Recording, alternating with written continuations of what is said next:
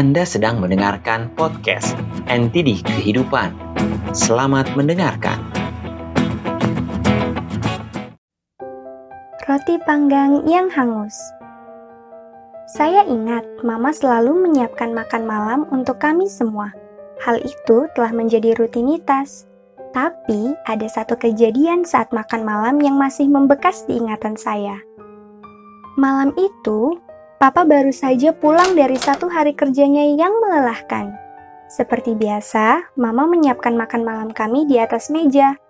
Saya terkejut karena Mama menaruh beberapa potong roti panggang yang agak hangus di atas meja untuk Papa. Lalu berkata, Maaf ya, Pak.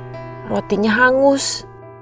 Papa dengan santai mengambil beberapa potong roti yang hangus itu, lalu berkata, Hmm, nggak apa, Ma. Rotinya enak nih.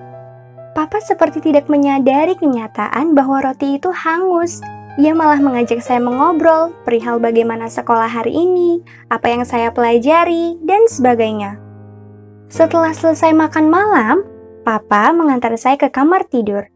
Saya lalu mengambil kesempatan itu untuk bertanya padanya, "Pah, apa betul roti hangus yang Mama buat tadi enak rasanya?" Papa setengah terkejut mendengar pertanyaan saya, Hmm. tapi lalu berpikir sebentar dan mulai tersenyum. Ia lalu berkata, Nak, mamamu sudah lelah beraktivitas seharian.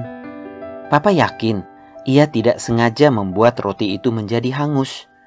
Mungkin ia terlalu lelah dan lupa menjaga roti di panggangan. Sepotong roti hangus tidak akan membuat papa terluka. Tapi kamu tahu apa yang bisa membuat orang terluka? Saya menggelengkan kepala saya. Papa lalu lanjut berkata, Kata-kata kasar bisa membuat orang terluka. Mamamu sudah memasakkan kita semua makanan yang enak setiap hari.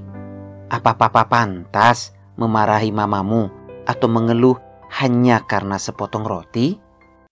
Saya menganggukkan kepala dengan bersemangat.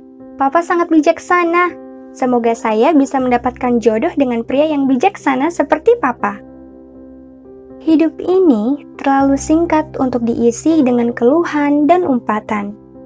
Belajarlah untuk memahami dan menghargai orang lain, dan sikap Anda akan menginspirasi orang lain, seperti matahari yang selalu menyinari bumi dengan kehangatan.